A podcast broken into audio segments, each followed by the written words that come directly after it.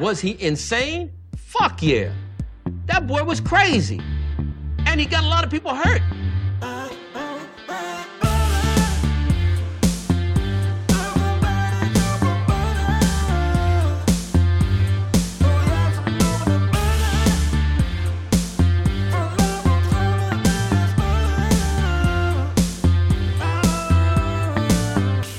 He doesn't like butter. I fucking love butter.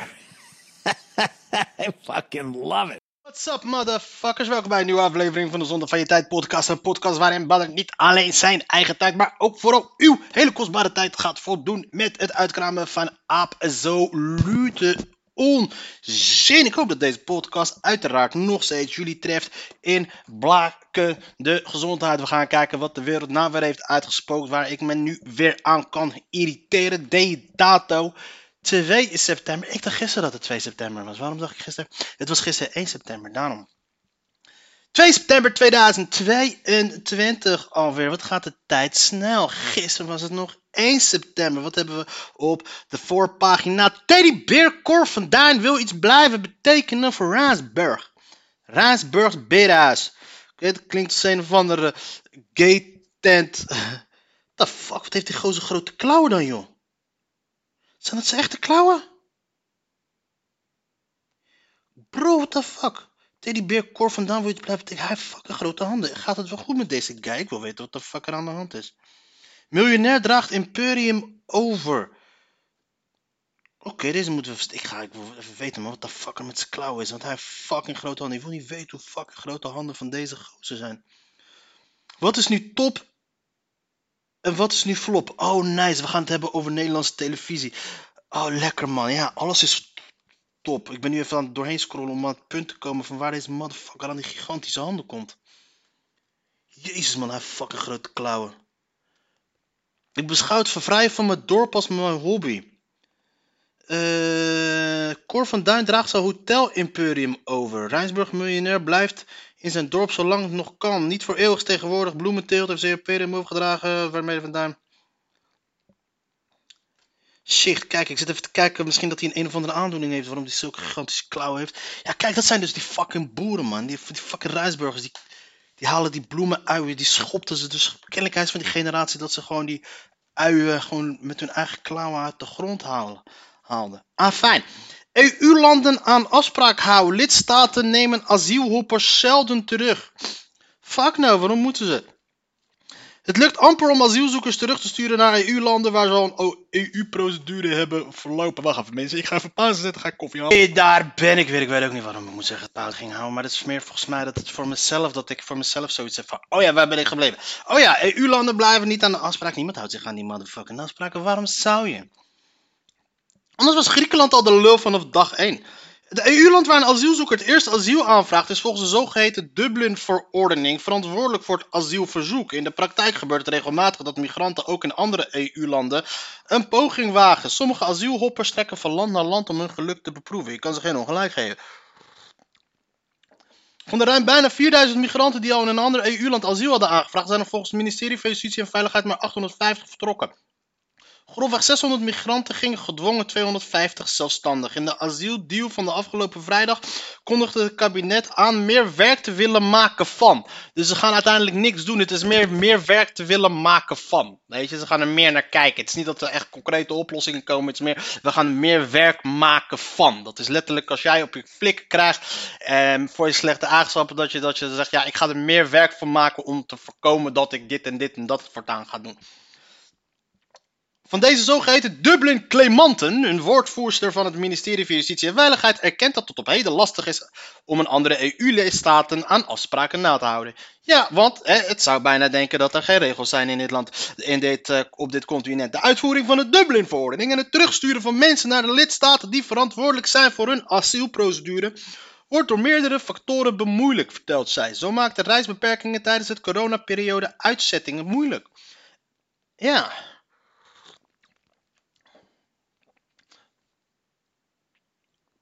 Zo stuurt Nederland geen asielzoekers meer terug naar Griekenland omdat de omstandigheden van de opvang daar niet aan de normen voldoen. Nou, dan zorg je toch dat die opvang daar aan de normen gaat voldoen, toch? Wat is het probleem dan?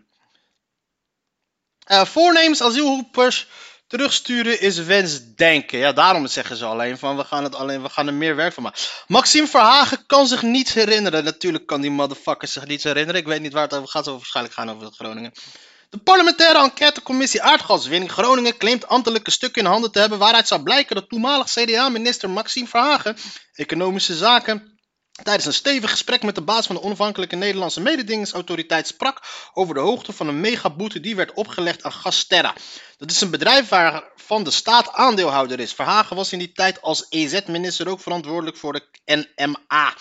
Donderdag werd Verhagen tijdens een urenlang verhoor geconfronteerd met nota's waaruit volgens de enquêtecommissie blijkt dat hij sprak met Pieter Kalfleisch, de, toevallig de toenmalige voorzitter van de raad van bestuur van de NMA. De enquêtecommissie parafraseerde uit de nota waaruit zou blijken dat de megaboete van 400 miljoen euro aan Gasterra ter discussie werd gesteld door Verhagen.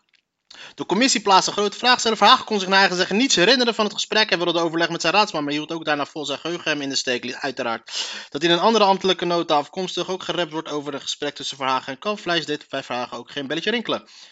Staatssecretaris Hans Velbri, bla bla bla bla bla. Gewoon dezelfde motherfuckers shit. Die, ook die hele parlementaire enquêtecommissie zijn gewoon ook motherfuckers die gewoon een showtje proberen op te stellen. Gewoon een showtje proberen op te voeren. Kijk ons eens even, kijk ons eens even belangrijk zijn.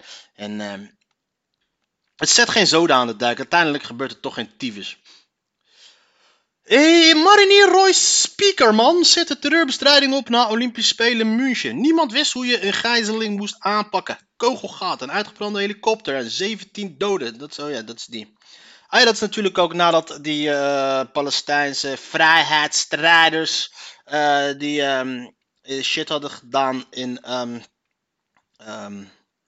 had, uh, die dingen hadden ge, die, die, die Israëliërs hadden gegijzeld tijdens het spelen van München. Dat was toen ook pas het begin dat er in Europa echt uh, commando uh, speciale eenheden in het leven werden geroepen en shit. Weer overlijdt oligarch onder raadselachtige omstandigheden.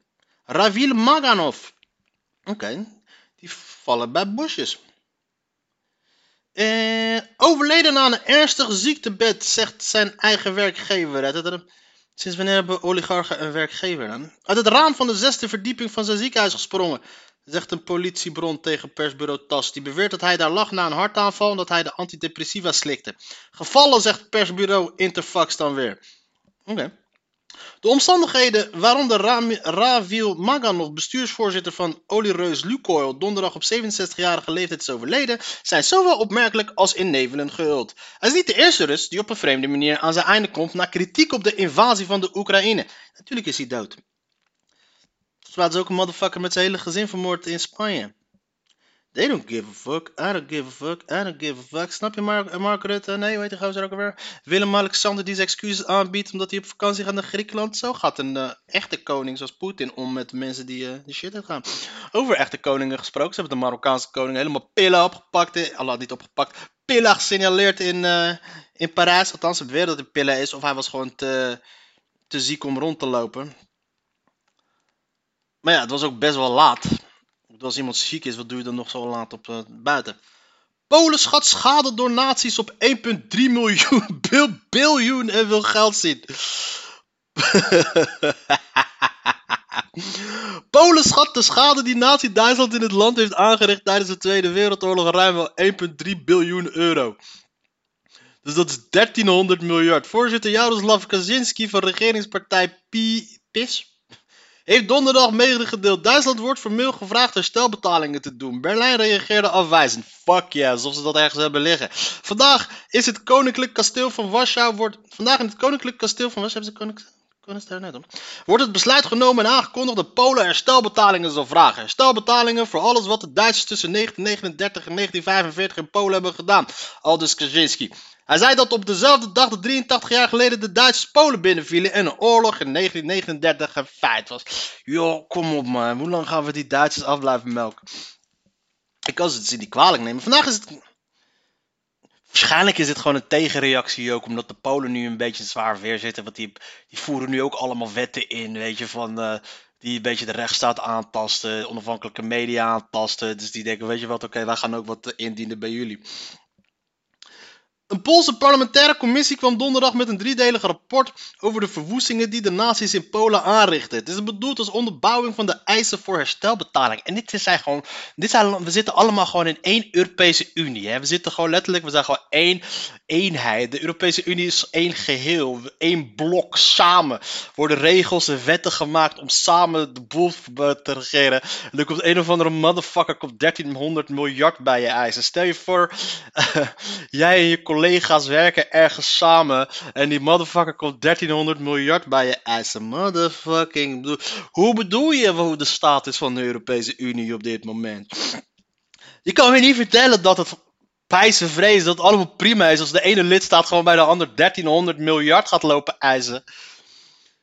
En maar ja, dat is als je dus krijgt als je gewoon een, een, een, een groep mensen bij elkaar hebt die kennelijk de issues niet, uh, nog niet hebben verwerkt. Tijdens de Tweede Wereldoorlog kwamen een schatting 6 miljoen Polen om het leven. Mag je dat wel of niet ontkennen? Onder wie 3 miljoen Poolse Joden? Oké. Het standpunt van de Duitse regering is ongewijzigd. De kwestie van de herstelbetaling is afgerond, reageerde het Duitse ministerie van Buitenlandse Zaken. Het gaat onder meer om de 2 plus 4 verdrag van de Oost- en West-Duitsland bij hun hereniging hebben ondertekend. Ook Frankrijk, de VS en de Verenigd Koninkrijk en de Sovjet-Unie hebben in 1990 hun handtekeningen ondergezet. Dus met andere woorden, uh, in de buk. Geld voor vierde tranche stap subsidie ook snel verdeeld. Oké, ik weet niet subsidie man. Of subsidie dit, subsidie dat. Omicron variant klaar voor prikcampagne. Oké, we zijn weer nieuw. Rectorschool toedracht dodelijk zaalongeluk is nog niet bekend. Is er weer iemand overleden aan de shit? Het is veel te warm om wat te doen. Ik had gisteren echt fucking moeite weer om te slapen. Alles erop en eraan. Ik was dat ondanks de hele week al gewoon niet lekker goed in mijn shit. Uitreiking verblijfstickers Oekraïne stopt. Houtkachels niet zuiniger dan CV. Oké mensen die nog leven in de jaren... Hè? Is houtkachels niet zuiniger dan CV? Natuurlijk niet, ja. Welke motherfucking achterlijke idioot kwam met dat idee? Vakbonden gaan nieuwe treinstakingen organiseren. Oké, shit, serieus. Vrachtschip lekt olie. Hij maakt wel een hele mooie wheelie daar. Dat is een wheelie, hij maakt wel zo'n zo'n veeg. Verdachte aangeklaagd voor moord op Nederlandse militair. De 22-jarige man die is aangehouden voor het neerschieten van Nederlandse militairen in de Amerikaanse stad Indianapolis. Gezamenlijke verkiezingen brug te ver voor PvdA en GroenLinks. Ik denk dat die hele motherfucking verkiezingen te ver zijn voor de PvdA en de GroenLinks. Want die motherfuckers gaan echt geen deuk in een, in een pak boter slaan. Shihad Kaya en Kiran Bansi starten hun eigen cryptobedrijf. Shihad Kaya en Kirat Banshi starten hun eigen cryptobedrijf om investeerders in crypto lang, laagdrempelig te maken. Wij weten hoe het is als je het niet breed hebt. Oké. Nou, veel succes, Dredis. Geridderde Max geeft Lintje een mooie plekje thuis. Kijk, geen kaartje voor de Formule en de Formule 1 is natuurlijk weer begonnen heel Nederland op zijn kop. Iedereen vindt het allemaal super interessant. Uh, voor zover ik weet heeft uh, Max Verstappen heeft hij zijn trainingscar naar de gereden. Ik heb niks tegen Max Verstappen. Ik vind hem wel een held. Dat is wel een kast. Dat is wel geachte fucking wat hij, hij is wel gewoon een eindbaas in die shit wat hij doet. Maar ik hoop altijd dat hij verliest. Gewoon puur vanwege het feit dat iedereen nu opeens pro-Max Verstappen is. Iedereen is nu opeens Formule 1 fan. Iedereen is opeens weer helemaal gek. Het hele land in rapper. Wat begrijpelijk is, wat vrij logisch is. Maar aan de andere kant, ik irriteer me altijd aan, aan, aan, aan mensen die zo vrolijk zijn met, met al die dingen. Nieuwe app Follow houdt kitesurfers op de hoogte. Oké. Voor wat? Voordat ze niet bijna de tijd uitgaan? Stilte rondom methaan. Wat is nu top en wat is nu flop? He, he, we gaan het hebben over de Nederlandse televisie. Ten eerste staat hier een chick met een kapmes. Actrice Lisa Sips doet mee aan een expeditie Robinson. Ik moet zeggen, het is wel een hele sexy foto met je kapmes daar, die, die daar staat. Jij weet niet wat er echt met kapmessen wordt gedaan. Jij denkt dat het, dat het gewoon een leuke accessoire is voor een foto. Maar er zijn gewoon letterlijk... Uh,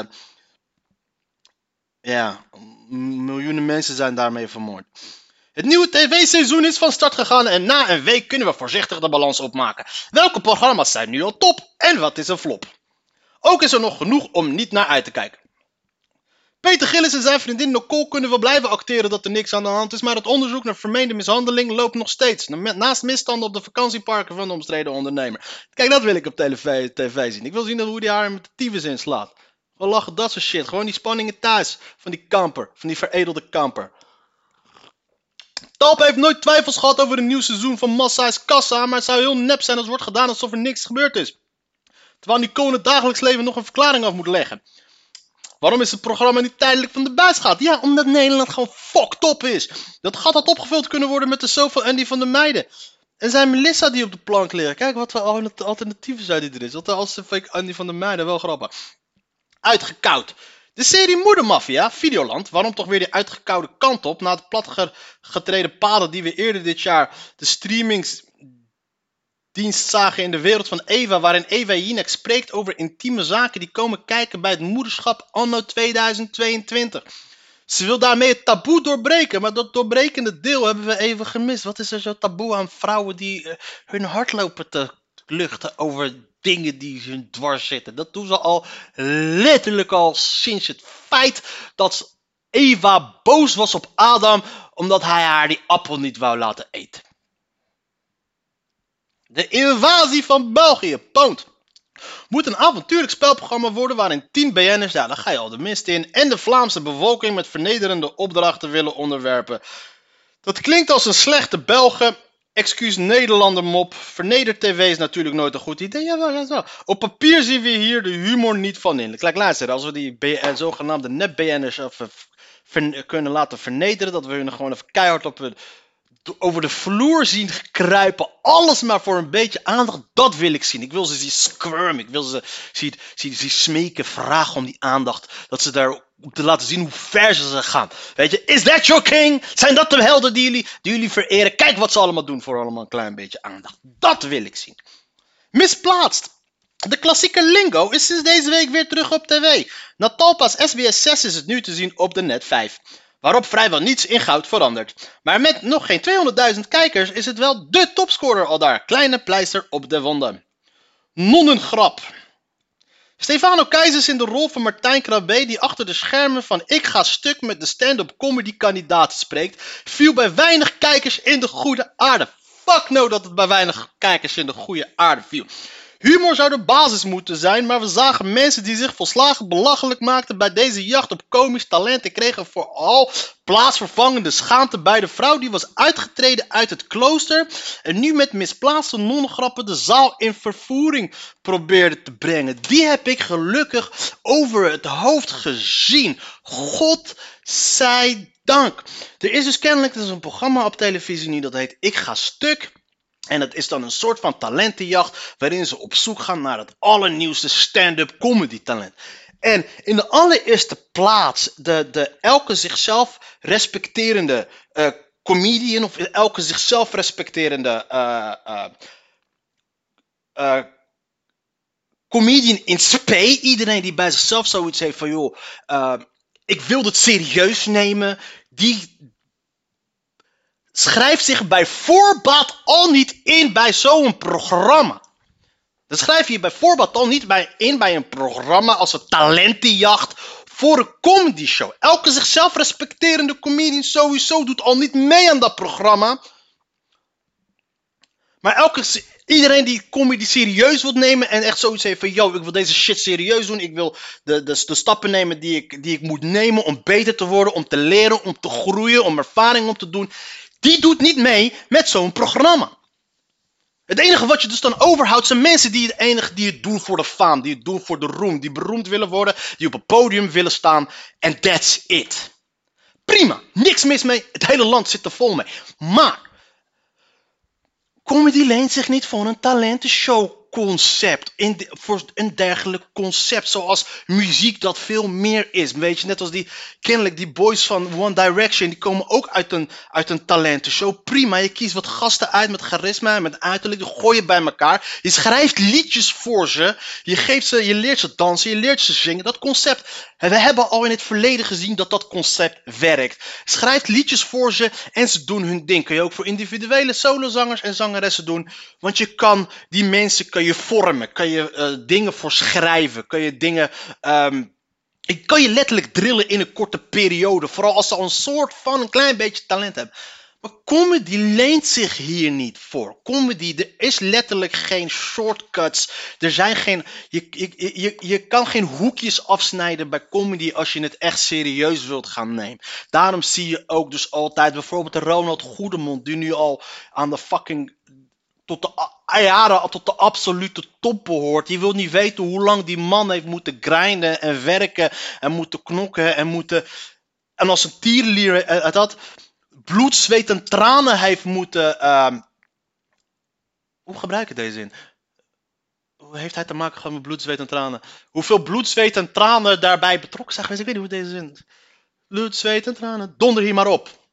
De koek is op. Althans, weet je, hoe, het, het, het is een heel intensief traject van, van, van, van, niet van wat andere mensen je zeggen, opzeggen wat je moet doen, maar uitzoeken wat je zelf wil gaan doen. Wat je zelf op dat podium wilt gaan doen en wat je zelf te vertellen hebt. En wat jij bij jezelf denkt, oké, waarom ehm, wil ik dit zeggen? Wat zeggen, wat, zeggen, wat zeggen dit onderwerpen die ik wil bespreken? Wat zeggen die dingen bijvoorbeeld over mij? Het is letterlijk een van de moeilijkste processen die er is in comedy. Daarom duurt het ook bij heel veel mensen lang, omdat je naar plekken moet gaan in je hoofd waar je absoluut niet wilt wezen. En waar je beetje bij beetje aan het graven bent en aan het komen bent. Tuurlijk, je moet daar begeleiding bij hebben, je moet daar geholpen worden, maar het is een jarenlange proces.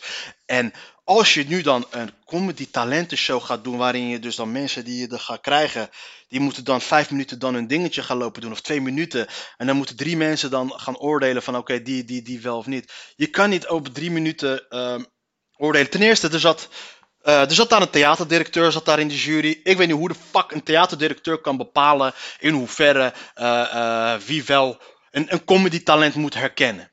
Ik weet niet hoe je dat doet. Ik weet niet hoe, waar, waar hij die, eh, die, die skills heeft om dat, eh, om, om, om dat te herkennen. Want het vergt letterlijk talent om talent te herkennen.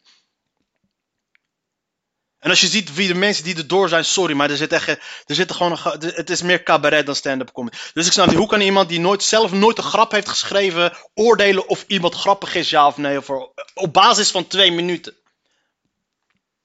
Dus dat concept alleen al is al fout. En ten tweede, als je mensen uit het niets haalt, vanuit, de vanuit, vanuit het niets, vanuit het niets probeert te halen en die probeer dan middels een tv-show, probeer je die eh, eh, een theatertour aan te bieden en worden die opeens uit het niets een BN'er, althans dat is dan het doel.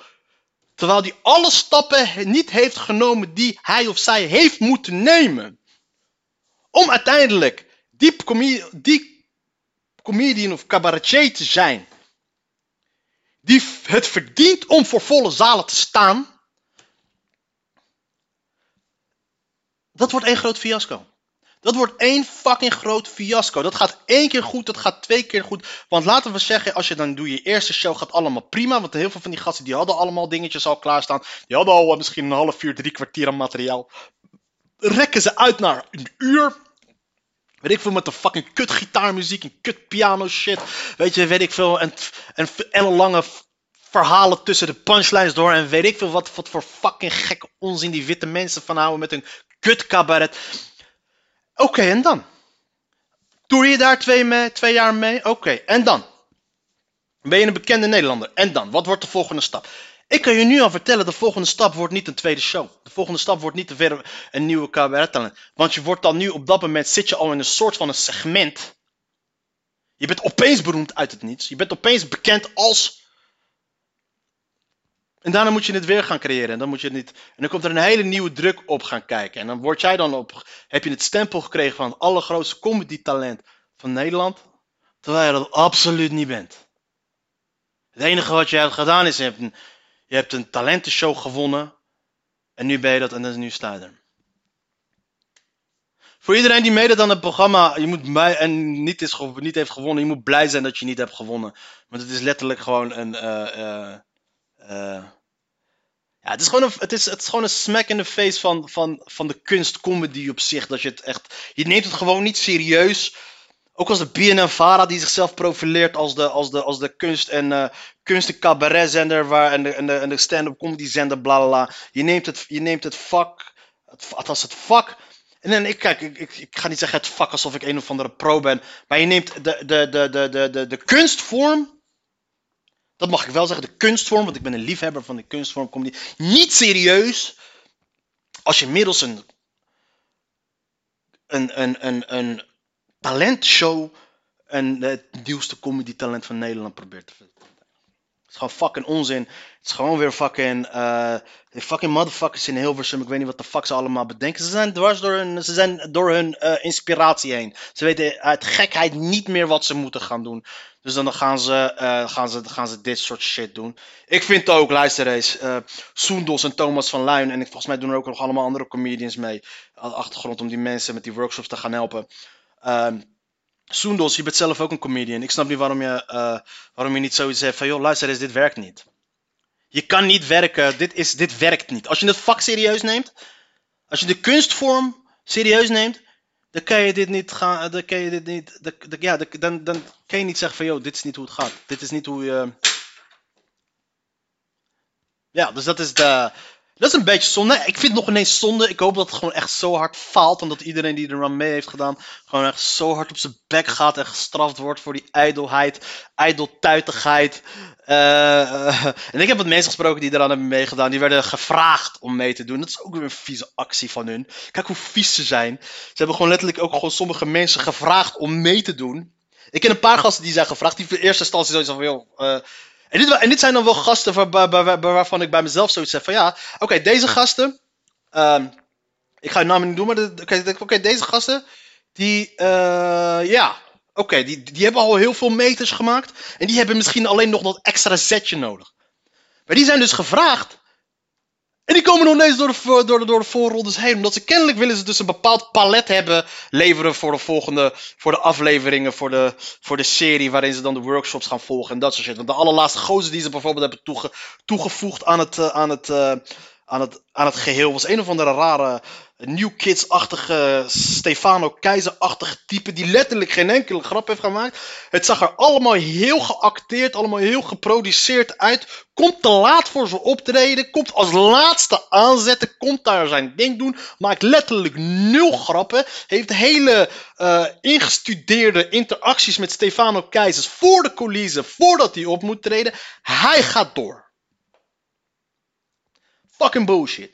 Dus natuurlijk is die gozer daar gewoon neergezet om ervoor te zorgen. Van kijk, als jij gewoon een stand-up, eh, als je een, eh, kijk die workshops moeten grappig zijn. Je moet gewoon, het moet gewoon grappig zijn. Die hele, die afleveringen moeten ook, er moet ook wat te lachen zijn. En die, en ik weet niet of er wat te lachen valt als al die mensen gewoon een beetje ongemakkelijk zitten. Het is een wedstrijdspanning, er zit een wedstrijdscompetitie-element in. Mensen zijn gespannen, mensen zullen niet echt zichzelf kunnen zijn. Dus er moet iemand daartussen zitten die een beetje een mogroid is. Weet je, de firestarter, de instigator. En daar komt die gozer dus die ze op het allerlaatste moment hebben toegevoegd, zogenaamd die gozer met die snor en dat soort shit. Die komt op het allerlaatste moment, een soort van Stefano Keizer 2.0, 3.0, weet ik veel wat fuck ze hebben bedacht. Hebben ze die toegevoegd zodat ze dan die afleveringen, waarin het dus de, de workshops worden gevolgd en dat ze de mensen worden gepraat, dat je één persoon hebt daartussen die gekke dingen doet. Weet je, dat je, zodat je clipjes op kan nemen om die op social media kan zetten. Ik ga stuk. Oh, kijk wat deze gekke gast doet. Kijk hoe raar dit is. Bla, bla, om de aandacht te trekken. Zo nep is BNN Vara dus. Zo niet serieus nemen ze de kunstvorm stand-up comedy op zich. En ik zeg je eerlijk, schande, schaam je. Alle comedians en cabaretiers die aan die shit hebben meegewerkt. Fucking schaam je. Fucking diep. Afijn. Dat was de rent die ik even kwijt was. Fuck die shit. Opvoeden doe je zo. Het opvoedprogramma van Robert ten Brink. Robert ten Brink is een toffe gozer. I like that guy. Dat is, kijk, dat is, dat is een tv-persoonlijkheid. Dat is een vakman. Hij is gewoon echt een, een, een, ik weet niet wat programma, ik ga het waarschijnlijk niet kijken. Maar hij is wel echt een vakman. Wel een paar lekkere dochters ook. Is tot nu... Het opvoedprogramma van Robert ten Brink is tot nu toe weinig succesvol gebleken, maar met maar 467.000 kijkers. Om rapportcijfers te hangen aan de opvoeding en ouders aan elkaar te beoordelen, vond niet iedereen gepast. Want waarom zou de enige opvoedige ouder beter zijn dan de andere? Uiteindelijk gaat het echt om aandacht en de liefde. Oh jee, we gaan televisieprogramma's kijken en dan gaan we. Je, gaat, je bent dus zo fucking idioot genoeg om daarnaar te gaan kijken. En daarna ga je op je morele, morele lopen stellen van een fucking programma van SBS 6. Oh, nou ja, het gaat om liefde. Fuck, shut the fuck up. Maar kijk, Robert ten Brink, 467.000 kijkers. Ik denk, eh, een fucking cupprogramma. Hadden ze, hadden ze, eh, het zou vet zijn geweest als ze, wat dat, eh, Robert ten Brink bij Ik Ga Stuk hadden gekeken. Dan zou ik daar nog gaan kijken, want die is daar echt wel goed in. Alsnog inhaken, Expeditie Robinson. eh, wat hebben we nog meer? Late Night Talkshow gebied. Vandaag Insight is weer terug. Vandaag Insight is echt het enige soort van leuke programma die er is. Ik vind het echt een leuk programma. Ik irriteer me altijd aan die domme shit. Wat, wat Johan Derksen loopt te zeggen. We zien, we zien Johan Derksen echt letterlijk met de aflevering ouder en ouder worden op televisie. En dat vind ik geweldig om te zien. En dat is het. Fuck that man. De Nederlandse televisie is gewoon naar de getvers, gewoon naar de tyfus. En het is nog meer zonde van je tijd dan deze podcast. Dus eh, ja. Dus elke aflevering weer, dames en heren. Dus voor iedereen die de podcast nog aan het luisteren is en zo, zei van joh, nog steeds aan het luisteren is. Ik wil je hartelijk bedanken. Eh, het hartstikke tof dat je nog steeds aan het luisteren bent. Maar moet je toch echt adviseren om wat beters te gaan doen met je leven. Want dit is en blijft namelijk zonde van je tijd.